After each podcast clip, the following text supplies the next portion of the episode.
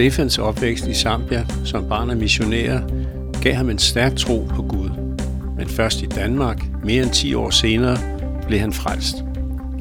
I forbindelse med, at hans kone blev kronisk syg, fik hans tro et knæk, og han var lige ved at miste sit ægteskab, men Gud greb ind. Stefan Thomsen, optiker, 47 år, gift med Trine. Sammen har de Amanda på 22 og Samuel på 16.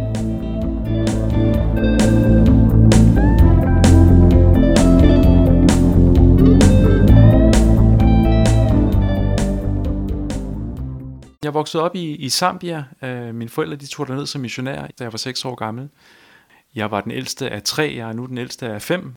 Vi var tre børn og mine forældre, som der tog til Zambia i 1978, udsendt af Apostolsk Kirke, og øh, var med til at, øh, at opbygge øh, Kanikecentret. Vi var der som, som den første familie, der, der bosatte os lige efter Erling og Kirsten Rasmussen havde, havde købt grunden og rejst til Sydafrika. Så flyttede vi ind i, i sådan en, en gammel ministerbolig. Kaniki er et område, der ligger lige tæt op af Kongo, få kilometer fra Kongo. Og øh, den her grund, som Apostolsk Kirke købte på på, på 10 hektar var tæt bevokset med, med krat og busk, og der var som sagt det her ene hus, øh, den her ministerbolig. Man sagde om Kaniki-området, at det på det tidspunkt der, i slut 70'erne, var det farligste område i hele Zambia. Der var utrolig mange øh, røverier og overfald i lige præcis det område, fordi det lå så tæt, tæt op på Kongo. Øh, og, og, og der valgte Absolut Kirke at købe. Øh, her valgte Gud at, at, at give os den her grund her og sige, det, det er her, jeg ønsker, at, øh, at arbejdet skal ske ud fra. Øhm, så, så vi flyttede ind i den her øh, gamle ministerbolig, som var et ordentligt, øh, ordentligt monstrum af et hus. Øh, og jeg var seks år gammel på det tidspunkt, havde en lille søster på fire og en lillebror på, på to.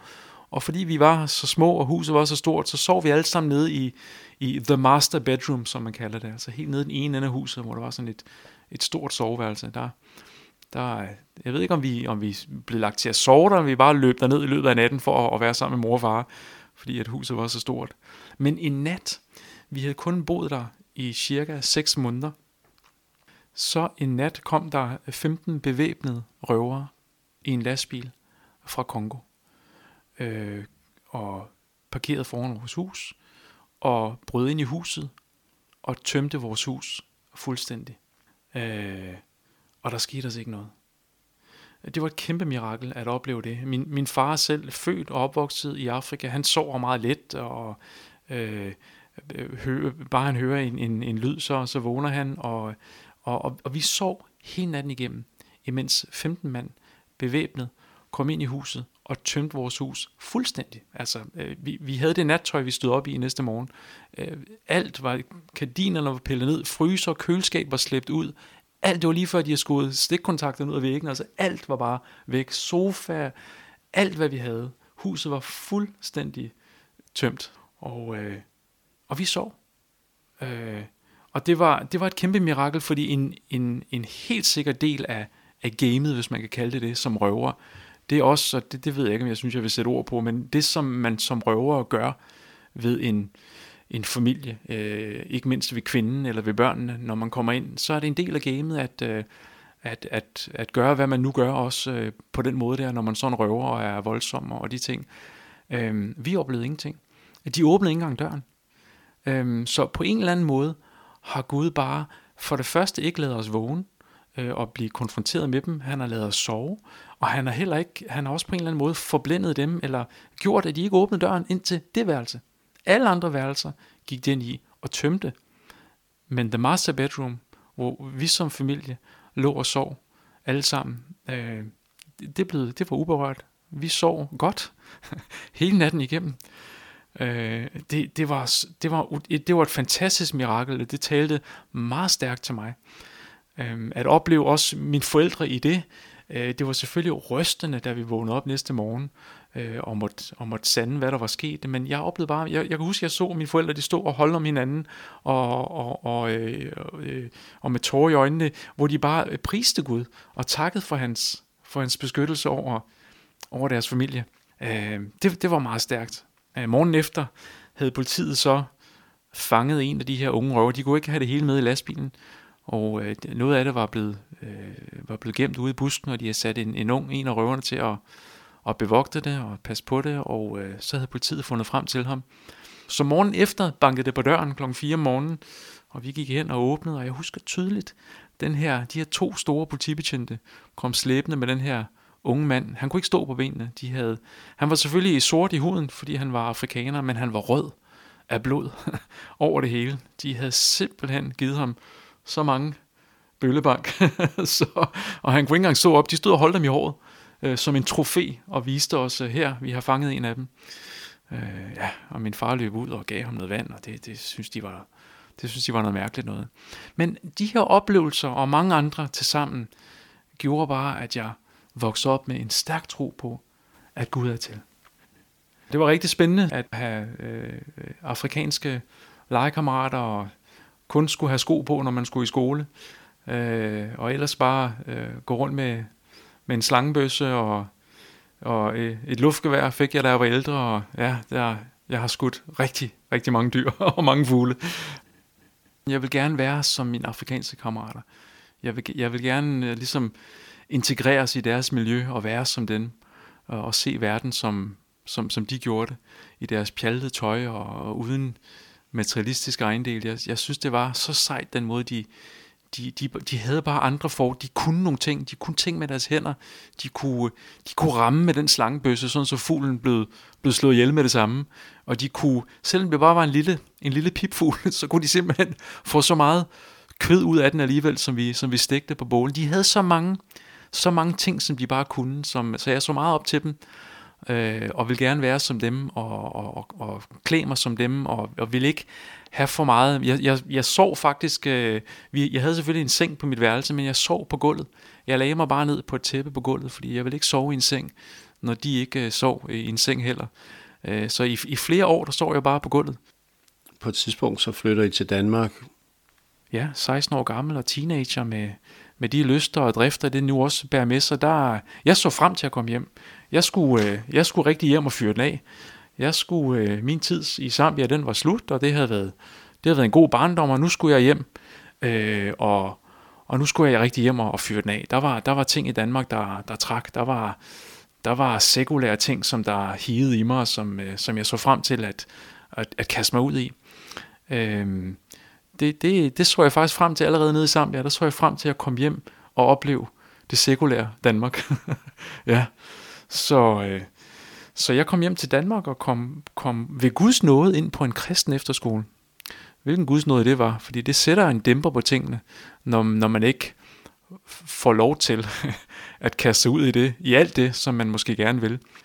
Jeg fik også øh, ret tidligt, øh, allerede på efterskolen, øh, igen ved Guds nåde en kæreste, øh, Trine, som jeg ved Guds nåde er gift med i dag. Øh, og igen, også, også det, øh, øh, det her et, et, et parforhold, det sætter også en, en dæmper for, for, for, for andre ting, man kunne have kastet sig ud i. Så det var også en guds nåde i, i mit liv.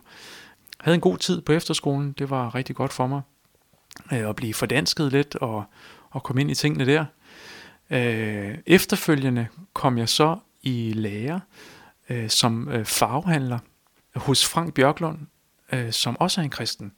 Og igen, en stor Guds nåde, at jeg ikke bare kom ud øh, i, i, på en hvilken som helst læreplads, men, men øh, på en kristen, altså en, en kristen forretning, hvor at Frank, han, øh, det var på mange måder som at være på, på missionsmarken igen, kan man sige, fordi at Frank, han, han bad for kunderne og, og vidnede for kunderne, og, og der var ikke noget nyt i det for mig. Det var jo egentlig også det, jeg selv havde oplevet i, i Zambia, men øh, det var en Guds nåde i mit liv, at jeg var kommet i, i, i, en, i en kristen forretning, et kristen miljø, det lagde også en dæmper på mange af de ting, som jeg kunne have haft kastet mig ud i. Og jeg kastede mig ud i mange forkerte ting. Jeg, jeg, jeg, jeg, jeg gav mig selv til mange øh, forkerte ting, øh, men det, at jeg var på en kristen arbejdsplads, var en Guds nåde i mit liv, der, der, der lagde en dæmper på tingene. Så, så Guds nåde var stadigvæk over, over mit liv, øh, fordi jeg tror på, at, øh, at han havde tænkt sig helt fra tidernes morgen af, at kalde mig til at være hans og til at blive født på ny. Men det skete ikke endnu. Der, der skulle gå noget tid før, at, øh, at det blev til noget. Hvordan gik det så til? Jamen, der skulle faktisk gå mange år med en genstridig en som mig. Jeg var tilknyttet kirken og, og kom i kirken. Jeg havde min tro. Den, øh, den kunne man ikke tage fra mig. Øh, jeg havde en tro. Jeg havde en, en, en stærk tro, en klar overbevisning. Jeg var bare ikke født på ny. Selv Bibelen siger, at dæmonerne tror. Mange mennesker tror. Jeg bad til Gud, men jeg havde ikke et liv med Gud. Øh, jeg var udenfor.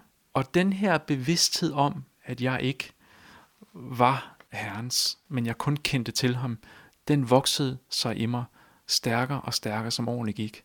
Øh, Trine og jeg blev gift. Øh, vi fik Amanda.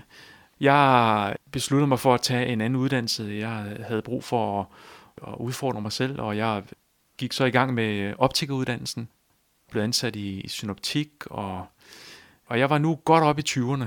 6, 7, 28 år gammel efterhånden, og, og var stadigvæk ikke født på ny, og levede ikke for Gud.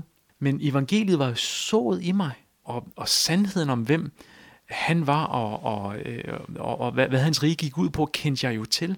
Så den her øh, byrde og den her øh, utilfredshed, den her frustration, den voksede sig mere og mere i mig, som tiden den gik. Øh, og jeg mærkede det bare som et kæmpe pres, hvor det var som om Gud bare maste mig og maste mig og pressede mig.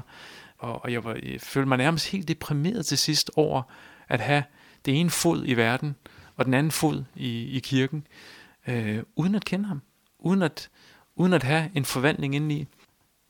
Jeg kan huske en aften, hvor Amanda, hun, hun skreg og hylde, hun havde kolik, hun var nogle få måneder gammel, jeg gik, jeg gik med hende og prøvede at trøste hende, og så lige pludselig, så så jeg bare for mig min tid i Afrika. Jeg så de studerende øh, under møderne nede i Afrika, de, de, dem som der læste på teologistudiet i Afrika. Den måde, de her, de her store, sorte afrikanske brødre, der med tårne trillende ned af kinderne, bare priste Gud. Og jeg vidste bare, at det der, det er godt. Det er rigtigt. Det er Guds nåde. Det er Guds ånd. Og, øh, og det har jeg ikke. Jeg er ikke en del af det. Og det var som om, der bare var et eller andet, der knak ind i mig, hvor jeg sagde, herre, du bliver nødt til at, at gøre noget. Jeg, jeg ved, hvem du er, men jeg kender egentlig ikke dit evangelium. Jeg, jeg forstår egentlig ikke øh, din frelse. Jeg kender ikke til din frelse. Herre, du må gøre noget i mit liv. Du må skabe noget i mig. Og det var som om, at da jeg ligesom kom til det punkt, til den her, hvor jeg bare ligesom øh, tog paraderne ned og sagde, Gud, du må gribe ind i mit liv. Fordi jeg har jo faktisk ingenting. Faktisk er jeg jo bare tom. Og inden for en periode på meget kort tid, der greb Herren ind i mit liv. Meget stærkt. Jeg oplevede en, en, en, en stor forvandling i mit liv, hvor at, øh, at Gud startede noget i mig. Gud gjorde noget i mig. Øh, jeg røg som en skorsten dengang, og havde prøvet at af sundhedsmæssigt, ikke af moralske årsager, men af sundhedsmæssige årsager, havde jeg prøvet at holde op masser af gange, og det var ikke rigtig blevet til noget. Øh, og jeg gik og jokede med, at det er nemt nok at holde op med at ryge, øh, øh fordi jeg har gjort det hundredvis af gange. Men, øh, men det var ikke blevet til noget. Og fra den, den dag, hvor jeg ligesom havde givet mig selv til Gud og sagt, herre, grib ind i mit liv, der kunne jeg lægge cigaretterne på hylden, og jeg, jeg, jeg rørte dem ikke igen. Jeg havde simpelthen ikke lyst til dem igen. Øh, jeg, jeg havde også et, øh, et, et, øh, hvad skal man sige, et lidt sindigt forhold til alkohol, og mange andre ting i mit liv, der bare var ude af balance, der var ukristelige, hvor det ændrede sig bare meget hurtigt for mig. Øh, jeg havde bare, jeg fik en anden lyst. Min lyster ændrede sig øh, til, til, til at gøre de ting, som der havde med ham at gøre.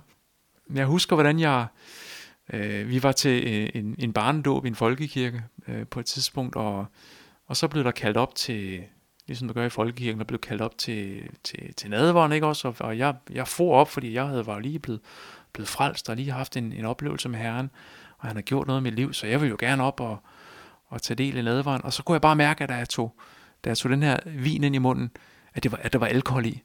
Og jeg havde besluttet mig for, at jeg vil ikke drikke alkohol mere. I hvert fald ikke for en tid. Jeg havde bare brug for at være radikal på nogle områder, for ligesom at, at holde afstand fra nogle ting, hvor jeg havde gået for langt tidligere. Øh, så, så man sad ligesom deroppe og knælede, og, og jeg havde taget det her aldervin ind i munden, og jeg kan bare huske, at jeg holdt det i munden, indtil det hele var færdigt, og man kunne gå ned på sine pladser, og så løb jeg ud på toilettet og spyttede ud. For jeg skulle ikke have det der alkohol ned. Jeg skulle, der, jeg skulle leve for Gud nu. Så der havde helt klart sket en forvandling i mig.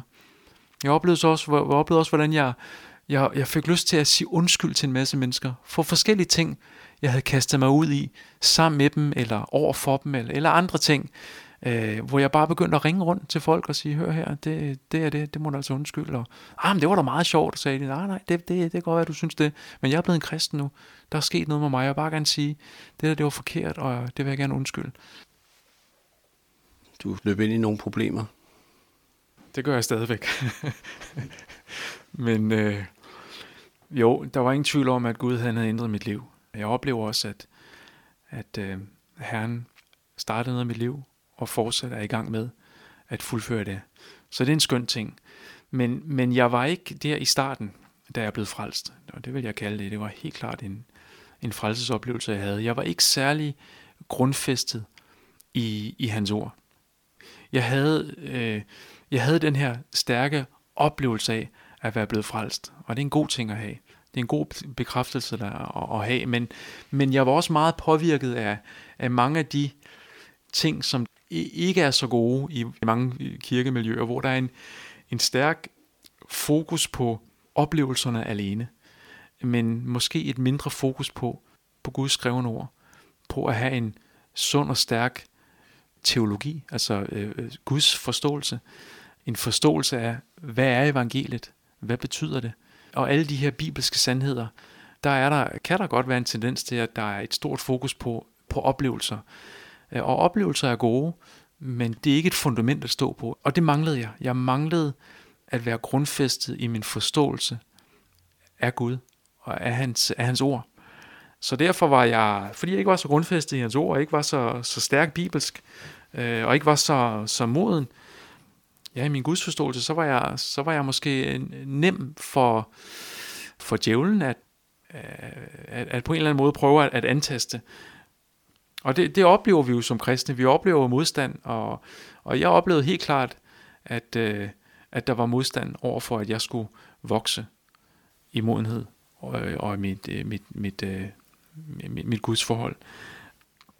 Jeg oplevede, hvordan at min, min kone blev syg. Det var rigtig svært. Min kone er stadig syg. Min kone er kronisk syg. Hun har nogle, nogle problematikker, nogle maveproblematikker, og har været opereret mange gange. Og, og jeg oplevede tidligt i, i, min, i mit trosliv, at, at Trine blev syg, og det var, det var, det er svært, og det var meget svært at skulle forholde sig til det, at, at livet ikke øh, blev, som vi havde drømt om, og vi ikke havde øh, sammen de kræfter, vi kunne have tænkt os. Og der, der var mange skuffelser.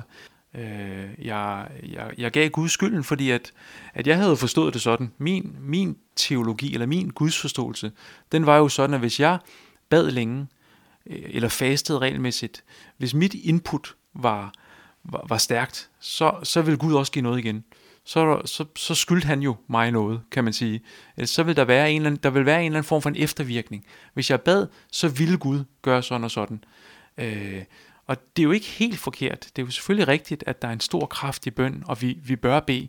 Men, men det der med, at når vi, når vi beder på den og den måde, eller siger i Jesu navn, og, og, og ligesom er på den der militante måde der, at det så på en eller anden måde skulle vride armen om på Gud og skabe nogle resultater, den, det, det, er en, øh, det er en fejlfortolkning af, hvem Herren han er. Men det var jeg præget af. Jeg var præget af, af, af den slags tankegang der. Øhm, så, så da tingene ikke var, som jeg havde forestillet mig, eller som jeg havde håbet, øh, da vores familiesituation blev sværere og sværere, øh, så oplevede jeg, hvordan det var, at jeg bare øh, løb panden mod en, en mur i forhold til, til min, min tillid til Gud. Øh, og efter lang tid, efter flere år, så knak jeg. Så, så er det som om, jeg bare løfter armen op i vejret og siger, det skal også være lige meget. Også være ligegyldig Gud. Så, så, så forstår jeg ikke, er, er det mig, der er noget galt med, eller, eller er det fordi, jeg ikke øh, beder godt nok, eller ikke gør det rigtigt, eller, eller er du alligevel ikke den, jeg troede, du ville være? Og, øh, jeg, jeg løb panden mod en mur. Jeg tabte sutten øh, og knækkede sammen. Øh, og, og, og, og gik galt i byen, hvis man kan sige det sådan. Øh, og øh, havde nær øh, mistet øh, min, min familie øh, og mit ægteskab øh, fuldstændig og for altid, hvis ikke Gud havde grebet ind. Og det gjorde han. Det gjorde han. Gud greb stærkt ind i mit liv øh, og brugte øh, mange forskellige mennesker som, som Gud sendte til mig, som der rakte ind i mit liv, og som der talte til mig. Han brugte særligt min lillebror Michael. Han sendte mig på et tidspunkt et, et, et USB-stik øh, med øh, vel 50 øh, prædikner på, som han havde udvalgt, og sagde til mig, jeg vil gerne have, at du hver eneste dag lytter til en af de her prædikner, og så ringer til mig om aftenen og fortæller mig, hvad det er, Gud har talt til dig ud fra de her prædikner.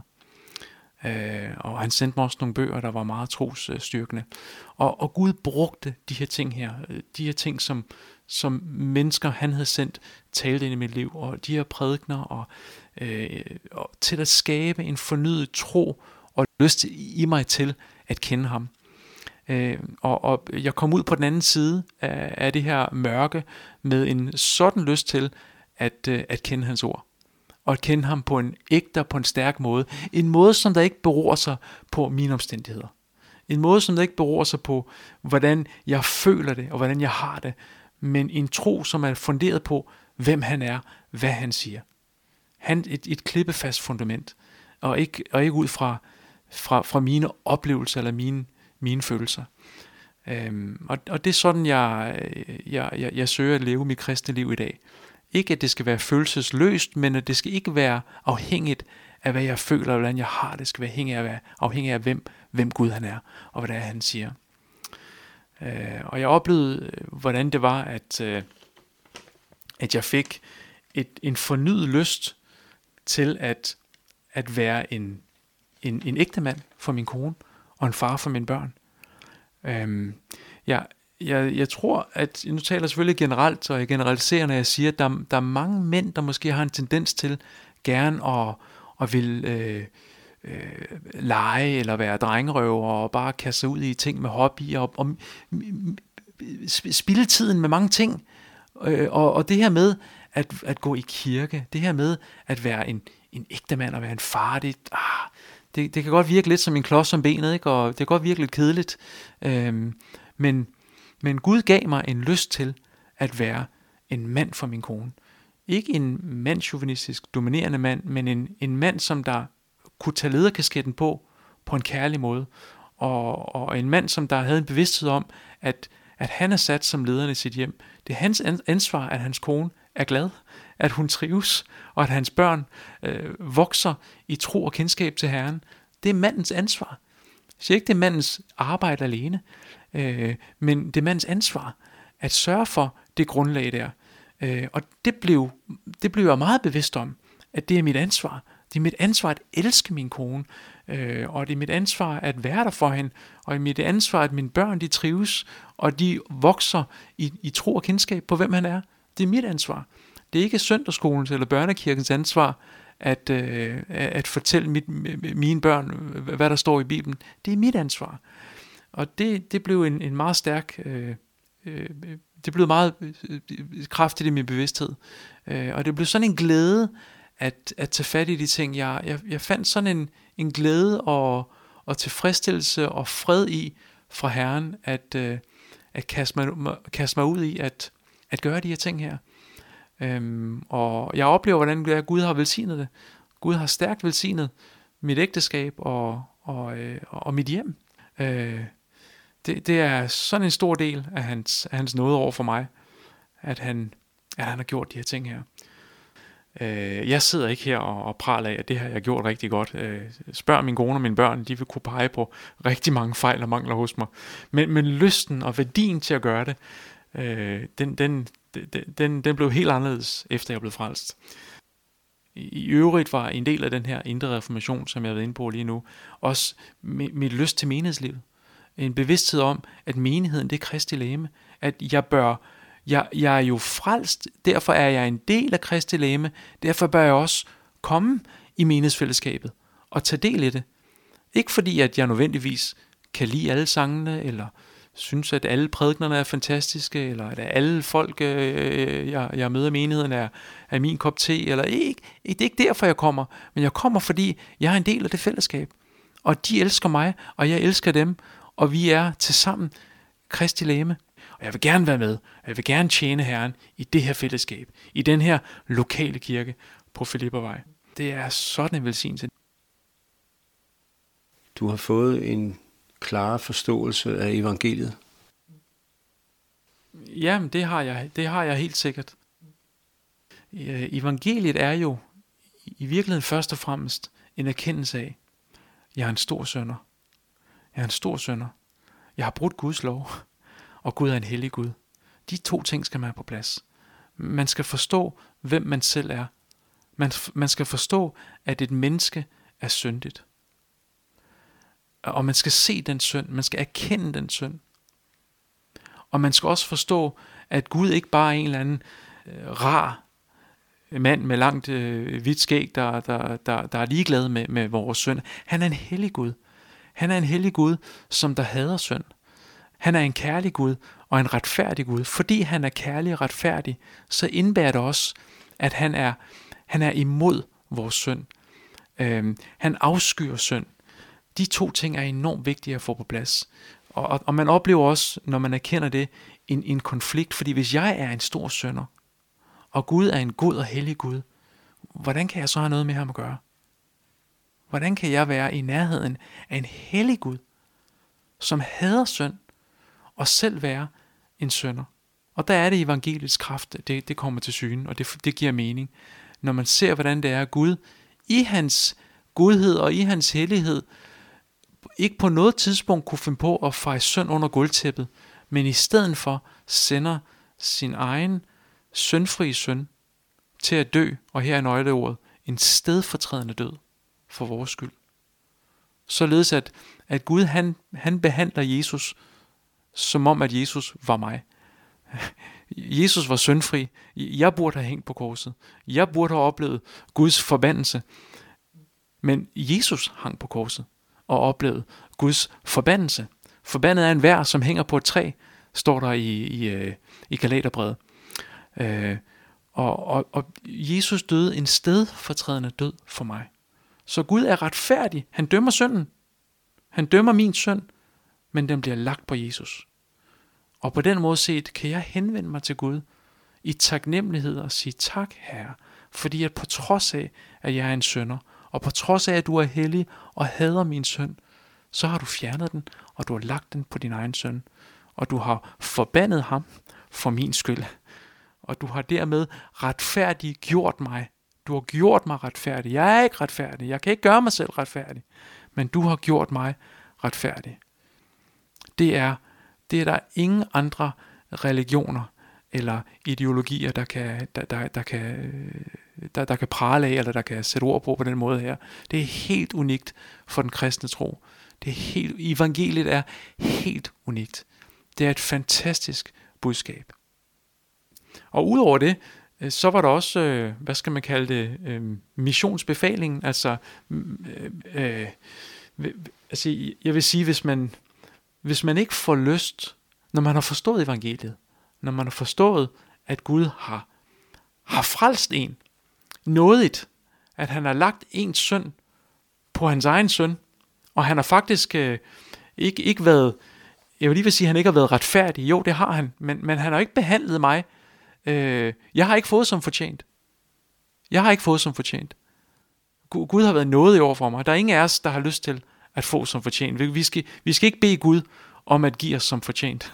Det, det skal vi ikke gøre, fordi så har vi kun Guds straf, Guds straf til gode, hvis vi får som fortjent.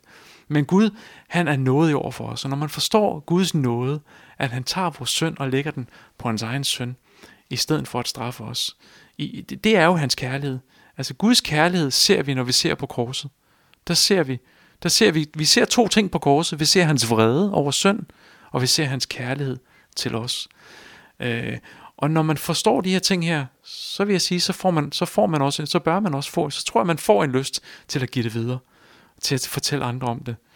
Det oplever jeg i hvert fald en, en stor lyst til at dele evangeliet med andre mennesker. Det søger jeg at gøre. Jeg leder efter det gunstige øjeblik hver eneste dag i min hverdag. Øh, jeg, jeg arbejder i, jeg har et arbejde, hvor jeg møder mange mennesker i løbet af dagen, og, og leder hele tiden efter en eller anden måde at kunne sige et eller andet på. Jeg har rigtig mange skønne oplevelser i løbet af mit arbejdsliv, hvor jeg får fortalt med mennesker, og jeg får talt med mennesker om Guds rige også. Det er en kæmpe velsignelse at få lov til at, øh, at dele Guds ord og at dele evangeliet med andre mennesker. Tak, Stefan. Tak for det, Bjørn.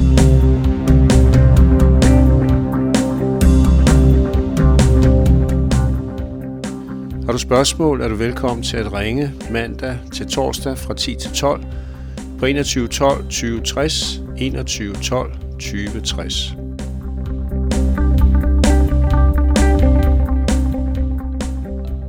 Optaget og redigeret af Bjørn Hansen. thank you